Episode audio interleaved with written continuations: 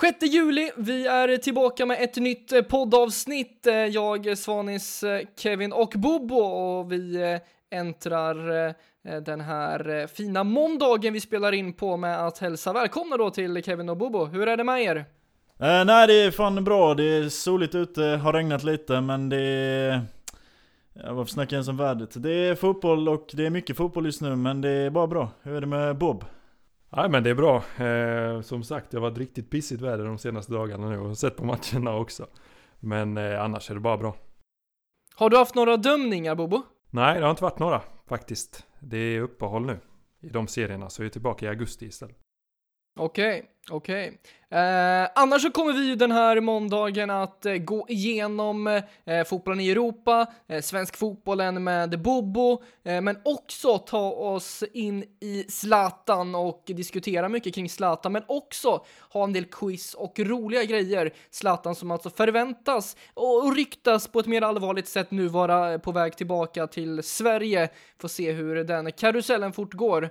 Eh, men nya uppgifter har kommit eh, och det är någonting vi kommer att eh, ta oss an. Som vanligt så finns vi på Instagram. Eh, glöm inte att skriva till oss om eh, våra frågor som vi svarar på i slutet av den här podden. Och frågorna är ju då Eh, ja, helt enkelt bara fotboll. Eh, så skriv vad tusan ni vill. Eh, idag kommer vi prata lite extra om PSG och Arsenal. Eh, det visste inte ni gubbar, men eh, det kommer vi alldeles snart eh, ta oss in i eh, senare då eh, i den här podden. Ehm, men vi tar oss in i Europa. Nu ser jag hur du rör dig emot mig Vill inte bry mig mer Men känslorna tar över mig igen jag vill ju glömma dig Men ändå ser jag hur du rör dig Ja, eh, Europa snackar vi om eh, Kevin. Eh, vi kommer ju alltså, det finns ju så mycket som händer hela tiden. Alltså det är ju fotboll i princip varje dag och jag hörde också att La Liga kör ju alltså bokstavligen varje dag i veckan. Premier League börjar ta sig mot slutet och så har vi ju Tyskland som är i princip slut nu. Men eh, vad har vi eh, från den här veckan Kevin? Du får köra ett litet svep. Yes, eh, som du säger, La Liga kör ju typ varje dag, eh, Premier League i princip också varje dag. Du nämnde inte ens Serie A, eh, italienska ligan som är en av de största, den kör ju också väldigt ofta. Eh, men om vi börjar i England så eh, vi har, från den här helgen har jag ju lagt märke till, jag, jag vet att jag sa för något poddavsnitt sen att eh, när jag la min topp 4-tippning i Premier League att jag la United som låg väldigt mycket efter eh, topp 4. Som nu har eh, verkligen kört på och tagit in på de här lagen som ligger ovanför. Vilket man kunde se i de matcherna som de spelade. Eh, med den offensiven som de har med Ja, inte minst Bruno Fernandes som har kommit in i det här laget. Gjort 11 poäng på 9 matcher. Ja, det är helt sjukt. Eh, och då har vi inte ens snackat om deras yngling Mason, Mason, Green, Mason Greenwood. Eh, 01 Som har gjort 8 mål i ligan nu också. Så att den offensiven, den är helt sjuk. Eh, Leicester som alltså vi snackade om i förra avsnittet också har ju tappat. Eh, de vann nu senast med 3-0. Sett lite tröga ut men nu fick eh, Vardy eh, igång målskyttet igen så att eh, Det är tufft där uppe och eh, Leicester och Arsenal möts i nästa omgång. Arsenal som faktiskt slog Wolves som jag höjde så mycket förra gången. Eh, Arsenal då möter Leicester i nästa omgång och jag skulle säga att den som vinner den matchen avgör ju ödet för den andra säsong så att säga. Om inte Leicester vinner den, då tror jag inte de klarar topp 4. Om Arsenal inte vinner den så är de inte ens med om Europaplatserna. I Spanien så eh, har vi en fortsatt kamp mellan eh, de två giganterna. Eh, och då snackar vi ju Real Madrid och Barcelona. Ehm, Real Madrid och Barcelona båda vann sina senaste matcher. Real Madrid vann efter en kontroversiell VAR-straff. Ehm, som Sergio Ramos satte sin 22 raka straff. Han har gjort 10 mål i ligan nu. Jag tror inte någon annan försvarare är uppe i de siffrorna och det är också hans bästa målsäsong någonsin. Barcelonas vann med 4-1. Ligger fortfarande lite efter Madrid men eh, Det är en kamp mellan de två. Och jag kan säga även så här, Lionel Messi den här säsongen, vi vet ju hur bra han är. Han har gjort 22 mål och 19 assist hittills. Eh, någon kommentar kring det bara vill jag... Så har du 22 mål, 19 assist. Ja exakt. Ja, det är ju riktigt sjukt. Är det världens bästa fotbollsspelare? Nej, det är det inte. Min är Ronaldo. Vad säger du Ale? Eh, Ja, eh, man vill ju se lite siffror där, men eh, jag skulle väl sä- säga att Messi eller Ronaldo såklart, men eh, nej, jag svarar inte på den faktiskt. Eh, det gör jag inte. Han inga kommentarer på den. nej, inga kommentarer. Man, man vill ju ha lite siffror eh, och som jag, har, jag inte har på Ronaldo, men det känns ju som att eh, Messi har eh, bra siffror där. Men Messi måste fan vinna nu med Barca-ligan. Där har de ju lite problem, Kevin. Det har de. Eh, Real Madrid fortsätter ju vinna och de leder ju ligan. Ehm, Så att de har ju sitt försprång på Barcelona där. Och sen i Tyskland så har det spelats en cupfinal mellan Bayer Leverkusen och Bayern München. Bayern München gick vinnande ur striden, 4-2. Och eh, de vann sin andra raka dubbel. Så ligan och kuppen två år i rad. Eh, och Bayern München bara kör på. Och jag vet att alla du ville ta upp någonting om Bayern München du också. Ja, eh, man måste ju ta upp eh, Leroy Sané som alltså skrivit på för eh, Bayern München. Det ligger på drygt 500 miljoner, 50 miljoner euro.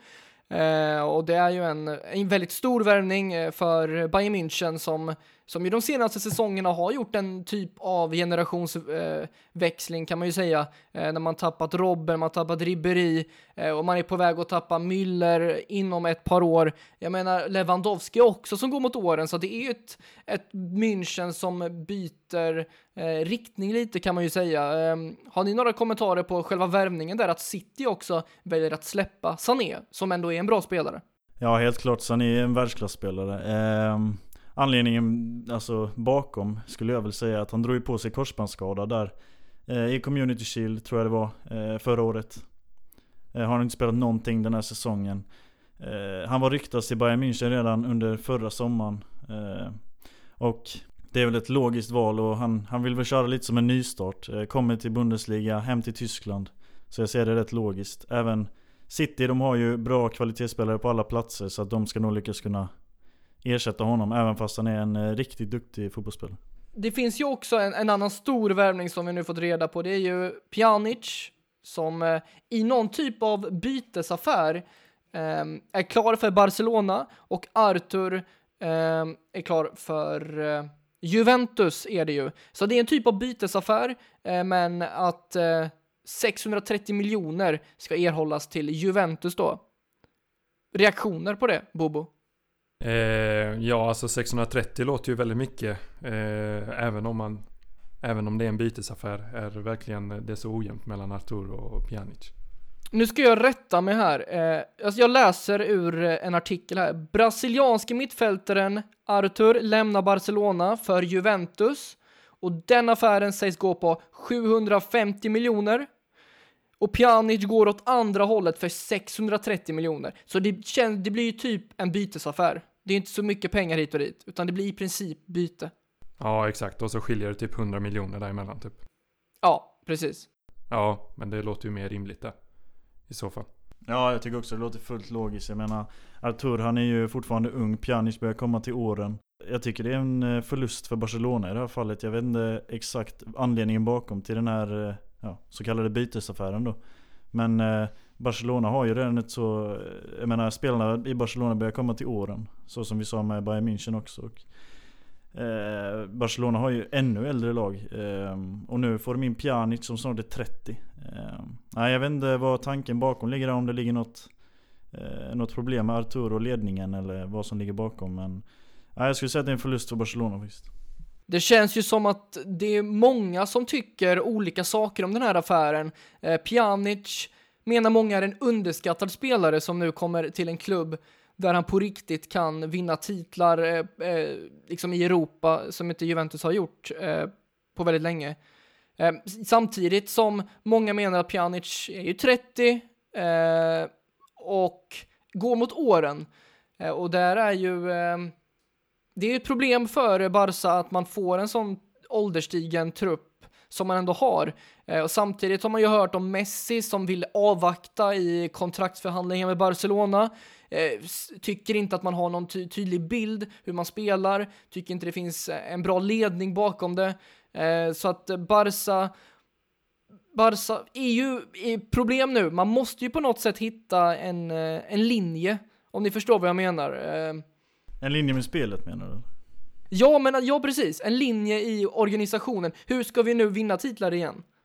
Hur, eller hur ska vi vinna i Europa igen? Hur ska vi gå långt i Europa? Ska vi vinna Champions League? Det finns ju inget riktigt spel. Förra säsongen var det ju Messi som, som levererade. Den här säsongen känns ju samma sak. Speciellt om vi tittar på siffrorna. Ja, det är ju. Messi liksom. Det är Messi som är... Griezmann på bänken. Griezmann spelade igår, men eh, han har varit på bänken eh, mycket. Och Griezmann är också en sån spelare som börjar komma till åren också. Han har inte riktigt presterat lika många mål i Barcelona som i Atletico. Men det är svårt för andra stjärnor att prestera under Messi också, vilket vi har sett genom åren. Ehm, och det är ju som sagt du säger, Messi bär laget. Jag vet inte vad man än säger om eh, det skulle bli bättre eller sämre om Messi lämnar. Alltså det blir en försvagning i vilket fall skulle jag säga. För att det är ju ändå, i mitt tycke, världens bästa fotbollsspelare och eh, det blir ju en försvagning även om han lämnar. Sen en, eh, Barcelona har ju alltid spelat på sitt sätt. Eh, de spelar ju det här tiki-taka-spelet som har varit deras grej hela tiden. Och det börjar väl bli lite sönderläst och eh, överkört av Klopps totalfo- totalfotboll. Eh, så att nej, det behövs väl en liten nytanke på deras, eh, på deras linje som du säger. Mm. Jag vill understryka där också, jag menar ju där när man, eh, var det mot Liverpool där man ledde 3-0 förra året i Champions League efter första mötet, går man in i ett andra möte och förlorar 4-0 eller vad det var, det hände det, det skulle ju inte hända för fem år sedan. När Neymar, du hade Suarez och Messi, alltså det, det fanns någonting annat där med Xavi, Iniesta, det är någonting nytt i Barca nu tycker jag som är lite skrämmande för klubben. Ehm, faktiskt. Men eh, Ja, de är ju inne i en sån period. De hade ju också behövt ett eh, ny, eh, vad ska man säga? Så som Bayern München gör också när de växlar ut de gamla mot de eh, unga. Eh, men de, är, de kommer väl in i en sån period nu. Jag menar, de har ändå varit ett av de mest eh, framgångsrika lagen under 2010-talet. Eh, Jag minns ju i början där när de dominerade allt. Men nej, som du säger, det behövs lite nytt. Ja, ett fint utlägg om Europafotbollen och vi kan ju också prata mer i fortsättningen i en annan podd om just United tycker jag. Det är en intressant vinkel där som vi kan prata upp i, i framtida avsnitt om nästa säsong. Eh, men Bobo, eh, nu eh, riktar vi blickarna i vårt eh, egna land här, Sverige. Vad, eh, vad hittar vi där? Eh, ja, jag har valt ut tre eh, grejer som eh, jag tänkte ta upp i dagens poddavsnitt. Det, först och främst får man ju ta upp Elfsborg.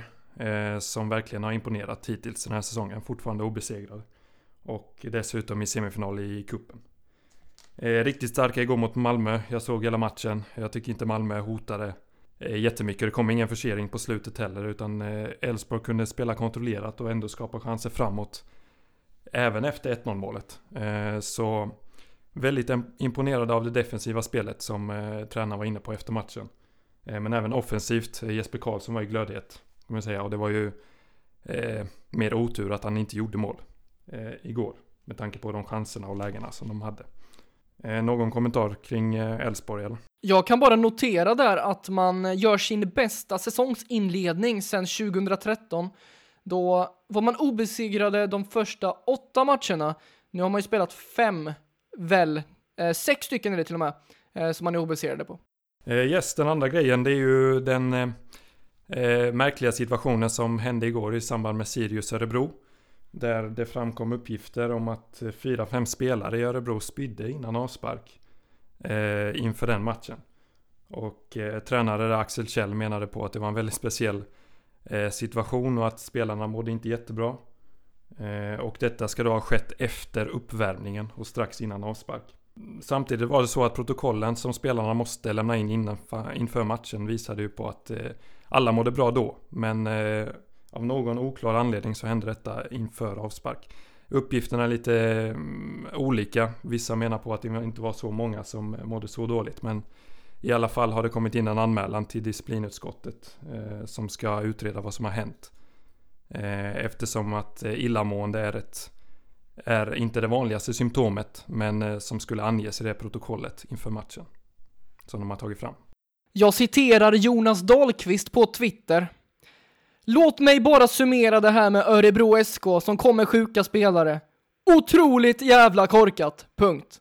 Ja, det var ett hårt uttalande. Men eh, samtidigt vet vi inte vad det beror på. Alltså det kan ju bero på att de har ätit någonting på matchdagen. Eh, till exempel. Som inte var bra. Jag tänker tillbaka på John Guidetti och det som hände med honom en gång i tiden. Eh, men eh, samtidigt det är allvarligt om det är så att det var sjuka spelare med på matchen. Och eh, det här blir ju då andra gången som någonting får prövas enligt det här coronaprotokollet då. Första var ju när Hammarby tillät Zlatan komma in i omklädningsrummet efter matchen. Eh, och där blev det ju en, en erinran och så en påminnelse om att man ska följa detta. Men detta är, om det är så som, eh, eh, som många tror så är det ju väldigt allvarligt. För det kan ju äventyra säkerheten och, och bidra till smittspridning. Och eh, den tredje grejen är eh, Goitom-Hansen i samband med AIK Falkenberg. Eh, jag vet inte om ni har sett situationen men ehm, jag kan förklara händelseförloppet ganska snabbt här. Det var så att målvakten i AIK, Janosevic, slog en långboll som studsade upp på Goitoms hand. Och sen så spelade han vidare den till Tupa som rullade Falkenberg-målvakten och rullade in bollen i mål. Ehm, och där har vi ju den nya handsregeln som jag varit på innan att man kan inte göra mål när bollen har tagit på handen. Eller skapa en målchans. Så här spelar det ingen roll. Eh, som vissa var inne på att, att det var ofrivilligt, att handen var nära kroppen och så vidare. Utan så fort den vidrör handen i den här situationen då kan man inte döma mål. Och eh, eh, jag vill ge stort cred till eh, domarteamet på plats som, eh, som låg märke till det. Och det, här- det här bygger ju någonstans på att man inte vill Eh, alltså det går mot spelets idé att skapa en målchans eller göra mål med handen. Oavsett vilken situation det är liksom. Ja, och jag, jag vet inte om jag är helt rätt ute nu eller om jag cyklar, men i, det var en match i Premier League. Jag har inte sett situationen, men det är när Kane på något sätt eh, får eh, med sig eh, bollen. Jag vet inte om det var han som gjorde målet eller så, men där var en handsituation där det har förklarats vara liknande. Att det, det är en hand med i bilden, den påverkar inte ett skit, men eftersom att den är med så ska det blåsas av. Stämmer det, eller? Har ni, se, har ni sett situationen? Har du sett situationen? Jag har faktiskt inte gjort det, men jag har hört, jag har hört att det är bedrövligt av domaren. Ja det var ju rent Eller av, av regeln egentligen. Exakt, eh, domaren han följer ju ändå regelverket men sen man ifrågasätter ju regeln 100% där. Jag menar, jag kan förklara situationen. Det Lucas Mora driver med bollen, eh, han blir fälld av två stycken spelare bakom sig. Eh, ramlar framåt eh, och får bollen på handen. Så den styrs till Kane som fintar en spelare och sen rullar in den. Eh, det som är lite för jävligt med den situationen är att han kan ju liksom inte göra någonting annat. Ska han liksom falla med kroppen och ta bort händerna och falla på ansiktet liksom. Det känns bara helt sjukt. Men samtidigt, man kan ju inte skylla på domarna, man får ju skylla på regelverket. Som, ja, I de situationerna måste det ju ändras. Eh, ja, nu har jag inte sett situationen. Men eh, jag tycker den här regeln är bra. För att eh, då får vi bort alla typer av handsituationer i samband med mål. Det är väldigt enkelt. Ta bollen på handen vid ett mål eller precis inför ett mål, en målchans. Då blåser man av. Oavsett. Och visst, det är olyckligt för de spelarna som... Eller det laget som gör mål. Men eh, jag tycker det blir mer svart eller vitt. Eh, jämfört med tidigare. Det känns ju som att svart eller vitt det är bra för domarna. Eh, men sen känns det som att man måste ha lite alltså, speluppfattning typ. För den där situationen det... Ja, nu är det ju bara den situationen här vi diskuterar och om sådana situationer händer så tycker jag liksom inte att man ska blåsa av. Och det säger en Arsenal-supporter också. Ja, yes, eh, bra diskussion gubbar. Eh, då kan jag passa på här och tipsa om ett, ett poddavsnitt som jag skulle tipsa om förra gången. För där snackar vi mycket om eh, domarbeslut och sånt. Det är Lunds podcast, avsnitt 273 med Martin Ingvarsson. Som var före detta toppdomare och idag är coach för domarna i Allsvenskan Superettan. Där diskuterar de lite regler, till exempel om hands. Men också lite om domarnivån i Sverige. Eh, var, vad är framtiden? Eh, hur kan vi få fram nya toppdomare? Eh, och vad innebär domarrollen egentligen? Och så drar han lite domaranekdoter som jag tror inte så många har hört. Lite tugg och så i omklädningsrummet med spelare och så vidare. Så att eh, hett tips om ni vill fördjupa er inom domardelen. Mm, bra tips Bobo. Um, när det kommer till fantasy, innan vi drar vidare i den här podden till Zlatan så eh, råkade jag ju... Eh, jag trodde att jag ändrade eh, Christiansen från kaptensbindeln, men Christiansen AC alltså har kaptensbindeln den här omgången och det är ju inte så bra för han är inte ens med. Eh, och han spelade ju inte någonting mot Elfsborg och var inte ens med i truppen. Ehm, och sen så Eh, har vi inför dagens match, eh, matcher i, i, på måndag då. Den här podden eh, kommer ju senare så att ni vet ju resultaten men jag har plockat in Fröling, jag har plockat in eh, Norlin eh, i, i, i Varberg. Han har varit bra tycker jag i, i början av säsongen nu så att, eh, och där möter ju faktiskt Varberg Kalmar idag. Så att där tror jag på, på mål eh, från kanske Fröling, från kanske Norlin eh, och övriga. Sen så tog jag en del AIK-spelare, men ja, ni vet ju hur det gick för AIK. 1-1 mot Falkenberg. Någon annan kommentar kring fantasy? Eh, nej, hur går det? jag ligger fyra nu i Discovery SM, eh, ligger jag. Så att det är helt okej. Av eh, 20 typ. Ja men det är bra Nej jag ska ju pinsamt nog säga att jag glömde ändra mitt lag inför den här omgången. Vi får se hur det går med de spelarna jag har. Jag vet att jag har Nils Fröling i mitt lag också. Eh, Jag gillar ju att peka ut de här udda spelarna.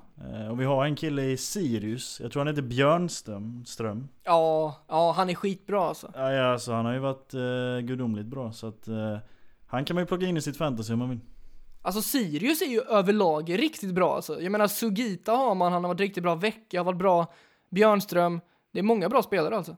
Ja och vi alla hade väl dem på nedflyttning inför eller? Ja, det hade vi väl. Eller ja, ja, jo, eller? Jo, jag hade dem på kval tror jag. Ja vi tänkte att de hade tappat sin stomme där men de har visat att eh, det går att spela utan sin gamla stomme ändå. Lite nytt och fräscht in i startelvan. Och det är ju bra spel också. Ja, Jag jag är förvånad att Rydström, alltså gamla Kalmar-hjärtat som eh, bankade runt på mittplan utan någon tanke liksom. Nej, imponerande alltså. Eh, han har gjort det väldigt bra hittills tycker jag med Sirius.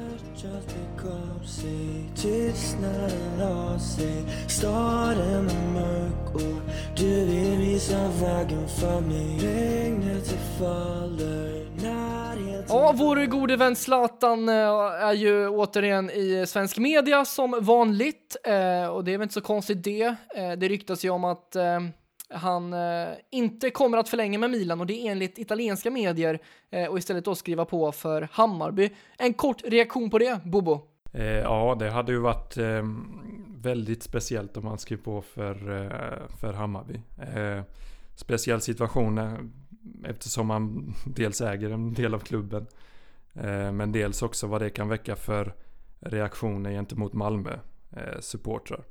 Sen eh, vet jag inte om han, är, eh, om han själv är sugen på att avsluta i Sverige. Eh, faktiskt. Och det är ju så att det är från Correira de la Sera och tv-kanalen Sky. Där säger man alltså att Zlatan överväger allvarligt att avsluta karriären i Sverige. Och, och det var ju också så att Bayerns sportchef Jesper Jansson, han påpekade ju i maj att, eh, att chansen faktiskt finns för Zlatan. Eh, så eh, Kevin, jag frågar dig, hur mycket sanning tror du det ligger i det här? Att Zlatan verkligen skulle kunna ta steget hem till Sverige? Kommer det möjligtvis kunna hända? Alltså först och främst får vi väl ändå säga att han är ju en, han är en vinnarskalle. Eh, och det sista han kommer göra just nu är väl att helt enkelt eh, bara lägga skorna på hyllan. Det tror jag verkligen inte. Eh, jag tror han vill ha en sista utmaning. Eh, och sen om det är i Sverige eller inte, det är fan svårt att säga. Eh, men eh, ja, som du säger, Hammarbys sportchef har ju sagt sitt. Eh, och medierna kan man ju aldrig lita på 100% men eh, han har ju tränat med Hammarby, han tyckte det var kul enligt han själv eh, att spela. Han äger ju en del av klubben och eh, svensk fotboll kommer ju vin, eh, vinna, bara vinna på detta. Eh, det är ju hur stort som helst om den en sån här stor spelare skulle komma hem till Sverige. Ja, det vore bara galet. Nu är det ju väldigt jämnt i Allsvenskan och vi ska inte trycka ner Bayern för långt här, men man har ju faktiskt inlett ganska dåligt. Eh, ligger 10 i tabellen, endast sju inspelade poäng. Eh, kan det påverka valet tror du, eh, någon av er? Alltså att han om, ja men låt oss säga att i augusti blir det aktuellt det här, om en månad. Låt oss säga att Hammarby fortsatt har det tungt. Jag tror inte det, men låt oss säga det. Kan det påverka tror ni? Nej, som du säger, jag tror inte heller det. Men eh, jag tror faktiskt inte heller det påverkar någonting. Jag menar Zlatan är en sån, eh, alltså han, han är ett djur. han kör ju alltså 100% vad, han vill ju vinna alla matcher, alltid. Eh, och han äger ju en del av klubben så att nej jag tror inte det spelar någon roll vart de ligger i tabellen. Han kommer komma in och han kommer göra skillnad. Om han nu skulle göra det. Han hade gjort sjuk skillnad. Ja, nej, jag tror inte heller det påverkar. Eh, jag menar, när han kom till Milan så var de i riktigt kris också. Så att jag tror inte Zlatan bryr sig jättemycket om tabellplacering. Eh, utan jag tror det är andra, andra saker som, eh, som påverkar. Eh, exempelvis att han själv äger en del av Hammarby. Eh, jag tror inte att det är många spelare genom historien som har ägt en del av en klubb i alla fall. Och sen spelat i den samtidigt. Och skulle han till exempel vinna SM-guld också så hade det varit väldigt stort. eh, också och hade lett till mycket uppmärksamhet. Zlatan har ju också alltid varit väldigt bra på att ta betalt. Eh, när han skriver på ett kontrakt och så vidare. Hur gör man med lönen i en sån här situation? Har ni någon tanke kring det? För jag, jag det, det är ju det svåra tycker jag i det här, för att Zlatan kan ju inte komma dit och kräva miljoner i månaden. Det funkar ju inte för Bayern. Utan där kan vi snacka på en lön om 3, 300 000 max i princip, skulle jag tro. Ja, eh, jag vet inte riktigt hur man löser det, men jag tror att Zlatan har ju mycket annan business på G också. Så att jag tror att om Zlatan skulle gå till Bayern så skulle det dra med sig sponsorer. Eh, till exempel. Och sen tror jag att han har massa andra inkomster vid sidan om. Så jag tror inte att lönen är jätteavgörande för honom. Eh, I det här läget. Nej, alltså om han skulle komma hem till Bayern tror jag liksom inte att lönen är det som påverkar. Han är inte där för att spela för pengarna. Då hade han lika väl kunnat spela i Kina eller något annat. Eh, han är ju i Bayern för att, för att han är svensk och eh, vill spela i Allsvenskan. Ja, men jag, jag håller med. Han kommer ju dit för att spela fotboll i Sverige. Men det är ändå en intressant grej med lönen eh, när det handlar om en sån spelare som Zlatan. Eh, faktiskt. Eh, vi, eh, vi kollar med dig Kevin. Du, du är ju Malmö-fan eh, i grunden, i hjärtat. Vad, hur känns det här? Alltså att, att Zlatan, först och främst det här med statyn och allting, att eh, den revs ner och sen att Zlatan har prisat Hammarby så himla mycket och äger klubb, eh, eh en delägare i klubben. Hur känns det om Zlatan nu skulle ta klivet och spela för Hammarby också? Ja, det hade ju känts eh, tungt såklart. Eh, men det finns, jag vet att det finns två sätt att se det här på. Eh, eller jag vet att det finns två olika grupper som ser det på två olika sätt om man säger så. Eh, för Zlatan som han säger själv, han har ju Malmö hade aldrig varit där idag eh, om de inte hade haft Zlatan liksom. Han har hjälpt klubben med så mycket pengar och uppmärksamhet och han har ju till och med dratt dit Milan för att spela en uppvisningsmatch liksom. Eh, bara för skojs skull. Så att Alltså han har hjälpt Malmö så jäkla mycket. Sen kan man ju se det på det andra sättet att han är en stor svikare och ja, ska göra en av Malmös direkta konkurrenter till en av Skandinaviens största klubbar. De här som välter statyn och sånt, eh, det, ja, det tycker jag bara är onödigt. Visst, man kan väl visa lite att man är lite arg och så, men eh, hugga av näsan och såga ner hela benen på han, det, det är väl att ta i tycker jag. Eh, även jag som Malmö-supporter. Det är klart tungt att se han i en grönvit tröja, man hade ju helst sett han i en himmelsblå bredvid Ola Toivonen. Men, eh, nej, jag... Eh, jag vet att några kanske kommer gå emot mig nu men jag är ju, jag kan ju förstå Zlatan, det kan jag göra. Ja eller nej, Bobo? Zlatan till Hammarby, kommer det hända? Ja, men jag tror att någonting sjukt händer så att jag säger ja på det. Och du då Kevin? Nej jag säger nej. Nej men eh, man får ju hoppas på det, så jag säger ja. Det, det finns en känsla av det. det. Det är för mycket snack om det, men man vet aldrig med Zlatan. Han kanske hamnar i Malmö till slut ändå. Ehm, det tror jag faktiskt, det tror jag verkligen inte. Men eh, i alla fall, eh, jag har tagit ut ett sjukt minne som jag har av Zlatan som fotbollsspelare. Eh, och det är när han eh, gjorde den här klacken mot Italien i EM 2004. Eh, har ni något så här kort, det bästa minnet av Zlatan eh, som, som ni vill lyfta? Ja, då måste jag lyfta landskampen mot England i november 2012 där. Eh, jag var på plats där på Friends när han gjorde alla fyra målen och eh, såg med perfekt vinkel vilken eh, fantastisk cykelspark han gjorde eh, där. Så det är väl kanske mitt bästa fotbollsminne eh, någonsin. Ja, det målet var helt sjukt att se live. Väldigt galet. Jag har också sett Zlatan spela live. Eh, det var ju när han tog dit Milan till eh, stadion i Malmö och spela. Men eh, jag skulle väl ändå säga att, alltså jag upplevde inte detta live på något sätt. Men eh, ett jäkligt bra minne är ju när eh, han gör sin, eh, är det han slår målrekord eller gör sin sista match i PSG-tröjan när eh, han blir utbytt, får stående ovationer. Hans söner kommer in på planen och det står väl King och Legend på tröjorna. Ja det är ju bara han som eh, kan göra sådana mirakel. Underbara minnen. Eh, Bobo och Kevin, nu är det dags för tävling. Eh, ni två ska få fem stycken frågor om Zlatan. Det är ganska enkla, vissa är lite svårare. Eh, och för att ni ska förstå här, ni som lyssnar, så kommer de här två alltså, de står med varandra nu. Eh, men de kommer skriva ner på ett eh, blad eh, sina svar och så säger de efter varandra därefter. Så vi kör igång.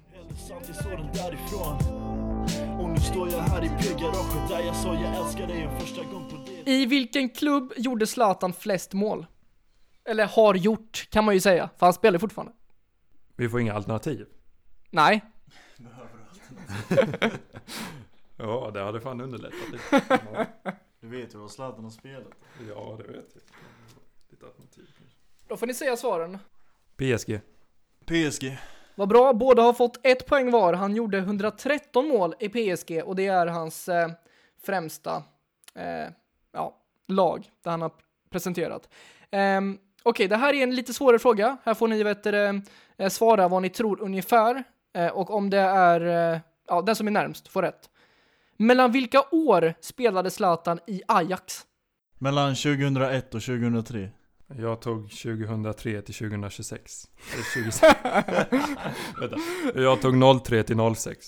Okej, eh, Kevin är närmst. 2001 till 2004 stämmer. Så det var ett år fel där Kevin. Men du får ett poäng där och då leder du med 2-1 inför nästa fråga som handlar om juniorlag. Han spelade i fyra stycken totalt. Malmö FF är en av dem. Kan ni nämna ett annat, någon av de här tre andra som han spelade i innan han kom till Malmö FF? Skriv ner ett bara, det räcker. Eh, ja, alltså jag kan inte exakt namnet, men någonting, det heter typ Balkan. Eller någonting sånt. KFC Balkan eller något. Ja det där är bra. Eh, jag skrev bara FC Rosengård men de fanns väl inte ens då. Nej, det är fel Kevin. Det är fel Kevin. Eh, nu är det frågan om, Kevin ska, eh, om Bobo ska få rätt, det tycker jag. Han, eh, Balkan heter de, FBK Balkan. Men eh, du sa Balkan och det känns för rätt. Ja det känns rätt. Gött kvitterat då. Mm, 2-2, tre frågor kvar. Nej, två frågor kvar. Hur många landslagsmål gjorde Zlatan exakt? Närmast vinner. För att underlätta kan vi säga att han spelade 116 matcher i svenska landslagsdressen. Han gjorde 68 mål. 58. 62 är svaret. Yes, då är man närmast. Och då är Bobo närmst. Bobo leder med 3-2. Ja exakt, jag kommer ihåg när han gjorde sitt 50 För då hade han en tröja där det stod 50 plus typ eller någonting sånt. Som han tog av. Jag tänkte att han slutade ganska kort efteråt i landslaget. Så jag tänkte ja, 58 är lagom. Men det var väldigt bra svar av er de två faktiskt. Det var väldigt nära båda två. Ehm, den, är, den är rätt klurig ändå, kan jag tycka. Sista frågan. Kevin kan kvittera. Annars får vi köra en, om, om du gör det så får vi köra en utslagsfråga sen. Eh, Zlatan spelade 33 matcher i Manchester United. Hur många mål gjorde han? Jag har skrivit 22 mål. Jag har skrivit 9 mål. Zlatan gjorde 17 mål. Boom! Det betyder att Kevin har kvitterat 3-3. Då får vi en utslagsfråga här då. Okej boys, det här är lite, den är klurig men ni får tänka på, hjär- med hjärnan nu. I hans senior, seniorkarriär, hur många klubbar har han representerat? Ni behöver inte säga vilka, men ni kan tänka på det i hjärnan, vilka han har spelat för. Det är faktiskt pinsamt om man inte sett den. Är det det verkligen? Ja jag tycker faktiskt Han har representerat nio lag. Ja, jag tog 8. Så då har jag missat någon kanske. Ni kan ju ha missat något lag. Svaret är, räkna nu, Malmö FF, Ajax, Juventus, Inter, Barcelona, Milan, PSG, United och LA Galaxy. Nio. Ja. Vilken hade du missat Bobo? Shit vilken dunder. Man- Man missar ju Uni- United. Man missar United. Precis pratat om det. Hur många mål gjorde han i United? Så glömmer man med United. Nej den tog man. Tack för den eh, serien. Ja. Nej, bra jobbat Kevin. Ehm, vi har eh, inte så mycket tid kvar här, men vi kan ta kort. Vi har fått en eh, fråga här eh, från Hugo Ekman och den kanske är ganska bra riktad till Kevin här. Arsenal undrar han. Vad behövs egentligen för att lyckas och för att bli där man var en gång i tiden? Oj vilken stor fråga här på slutet. Eh, en megafråga, man kan ju ta ett helt avsnitt om detta men eh, Först och främst så behöver väl Arsenal egentligen sätta grundpelarna. Eh, de har ju, man kan se en linje i spelet just nu som Arteta vill spela. Eh, sen behöver man ju eh, fixa till sitt försvarsspel som har varit kritiskt under många år nu. Och sen behöver man ju få tillbaka den här vinnarmentaliteten som ska sitta i väggarna liksom. Eh, det gjorde den ju där när Arsenal var som bäst under början av 2000-talet. Och det är dit man vill komma igen helt enkelt. Det är det som Arteta också vill när han klev in som manager första dagen så ville han liksom ändra om i hela eh, organisationen på det sättet att han ville skapa den här eh, känslan som var då. Eh, för så, så, alltså, så länge Arsenal har varit på den här arenan som de byggde 2006, eh, Stadium, när de flyttade från Highbury.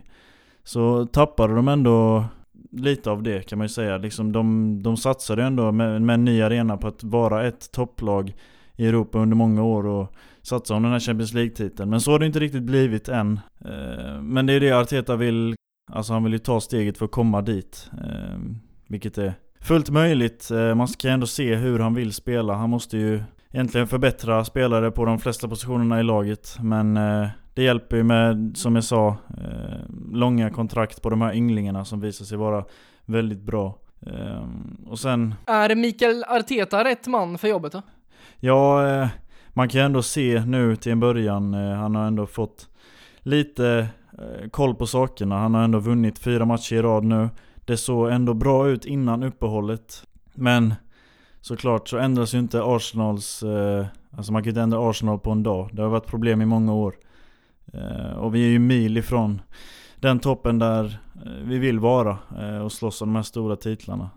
Först och främst gäller det väl att komma upp och kunna slåss med toppen av Premier League. För att sen ta sig ut i Europa och slåss med de allra största. Så att, eh, men man kan ändå, jag tycker ändå man kan se en linje i Arteta, hur han vill spela och hur han vill ha det i organisationen. Rent generellt sett. Så att eh, vi, vi, man får ge Arteta tid, tror jag. Eh, det är det han behöver. Han behöver en ordentlig försäsong och ett transferfönster. Eh, så får vi se vad han kan utreda efter det. För att eh, Arsenal ska komma till toppen, eh, det är eh, lång väg att gå. Men med de orden så summerar vi väl den här podcasten avsnitt 5 av La Croqueta och önskar er en fortsatt trevlig dag och skicka gärna in lite frågor och härliga ämnen att prata om eh, på Instagram Alex Vanis med två S på slutet så får ni ha det riktigt bra. Ciao! Hej då! Vad gör ni? Vad gör ni? Jag tänkte bara flika in här snabbt. Eh, jag tänkte säga, ni är förslag, ja. frågor, ni skriver på Instagram. Eh, ni, ni, får även skriva om ni vill höra, som vi sa inledningsvis, som vi sa nu. Om ni vill ha ett avsnitt där vi snackar mycket United, där vi snackar mycket Arsenal, eh, där vi snackar mycket om något allsvenskt lag, vad som helst. Skriv det också, så att vi vet vad, vad, vad ni vill höra. Så det var väl det. Ciao allihopa!